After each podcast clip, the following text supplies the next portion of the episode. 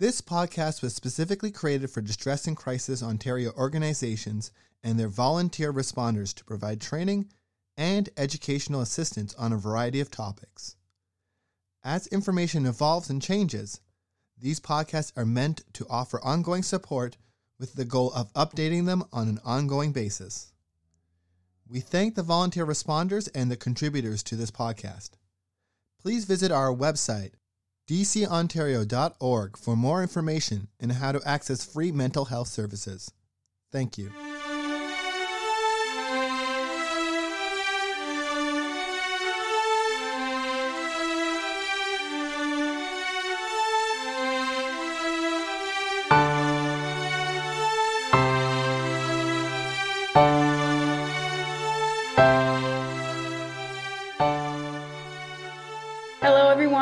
Welcome back to another DCO Discourse podcast. My name is Katelyn Doyle, and I am the Communications and Marketing Manager here at DCO.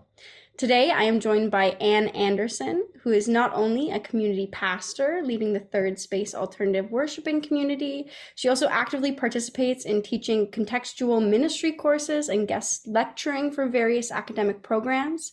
She's also a candidate in Luther University's PhD in Human Relationships program with a specialization in pastoral leadership.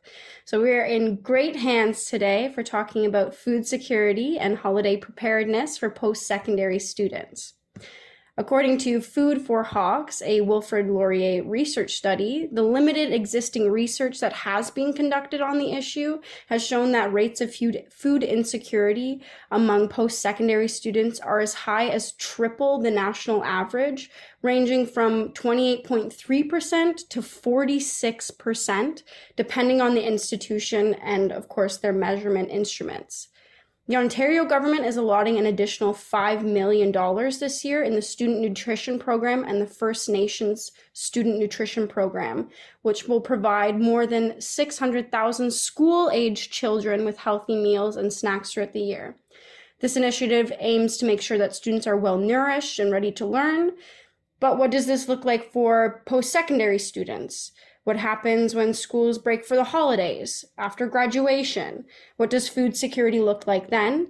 And how can we support our communities? So, Anne, with that brief introduction, I would love for you to start by introducing yourself and sharing your background and understanding of food security. For sure. So, uh, Anne Anderson, uh, pastor, mom, wife, uh, lover of walking outside and enjoying life in general. Um, and so as a part of my my life and work here at the school at Martin Luther University College, I, I spent a lot of time caring for students and their needs and listening. And we were hearing during the pandemic, actually pre-pandemic, we were hearing of students experiencing food insecurity. And so caring for students and the whole uh, of the student means we think about food and how do we fuel a body when um, when life is is tough and money is tight and so that's kind of how i started falling into this work it, it kind of came upon uh, came upon me which that's that's what the work is That's wonderful. And how is your work different from, say, if you were working at an elementary school? What, mm-hmm. what differences do you see there? Um, so so rather than working maybe with with uh, children, with young children, where where there's already um, great programming, food for kids, uh, breakfast for learning, lots of uh, programs that are already underway to support uh, and nourish kids. Um, that kind of programming doesn't happen in the same way here. We have um, a food bank at Laurier, uh, which has been run by the student union for many years. Um, and it has its own set of um, criteria. Uh, and and it was still we were still hearing from folks that uh, that hunger was an issue, uh, food insecurity was an issue, um, and so so we we decided to start brainstorming what we could do about it. That's wonderful. And I know you spoke to me earlier about the distro program at the school. Uh, can you talk to me more about that, what that looks like, and how we can provide more initiatives like the distro program to post secondary students beyond um, your reach at Wilfrid. Mm-hmm. Yeah. So uh, the distro, in short, is a program where we provide um, perishables and non-perishables and um, uh, household uh, cleaning products and personal toiletries mm-hmm. Uh, for free. Um, so students are able to come in and take what they need and give when they can. Um, that's our policy. Um, we don't, uh, it's an anonymous program. We don't card folks other than to know that they are a, student. Uh, we look at their student card to see that they are a student, but we don't take down names or record how much people take. Um, and so we've been on the regular seeing upwards of 150 to 200 students weekly. Um, for the last couple years. It started really small. It started as a table outside during lockdown, and now we are um, pretty much a room with uh, 70 volunteers and multiple partners and staff and uh, we just got a new refrigerator which is fantastic to hold oh. donations oh. they come in so uh, it's a great program um, i think this can be replicated in other places and spaces too this is this is serving laurier luther i would love for it to uh, and we have other programs even at laurier uh, we have the mini market run by the the Grad Student Association, which is similar, but it runs all day and they run on a tiered uh, system of payment. So you can either pay for free, not pay, or pay a smaller amount or pay full. And the people that pay full benefit the people that can't pay. So, um, yeah, there's lots of initiatives. I think the more we have, the better. Um, mm-hmm. so that it's not stigmatized that people people deserve to have food um, so I, I could see this happening at other and i'm sure that there are other initiatives happening at other universities and other colleges but mm-hmm. always room for more yeah absolutely and how are you combating those those growing numbers you know you're, you're saying it's starting out super small and now you've grown to you're in the hundreds now of students who are needing food and using those services how are you dealing with those growing numbers we do have a staff person that we've hired for uh, 15 hours a week that will uh, concentrate uh, specifically on um, partnerships and donations. So she has brought a lot of resources our way. She has connected us to other partners in town. She has gone and collected resources herself. She's writing grants for us. We're receiving donations. Um, so with her help, it has been really really good because basically the food that goes in comes out. I was just putting away a couple donations that came in on the weekend mm-hmm. and the cupboards were bare. So um, we need that kind of support to to keep it going. Um, and basically we just we have what we have and we get it out and um, more comes, which we are grateful for. People are generous. That's good. That's really good to hear. Mm-hmm. I think like building communities is so important. I think that's that's something that we need to work on. Or building community community spaces.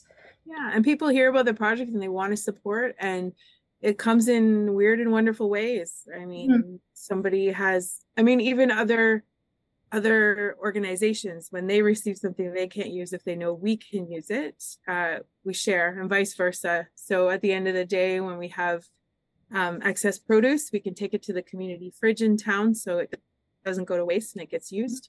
Um, mini market can, can sometimes take some of our extra stuff that we want to get out. Uh, we it's mm-hmm. not going to do any good sitting on a cupboard. Um, it needs to get in the hands of people that need it.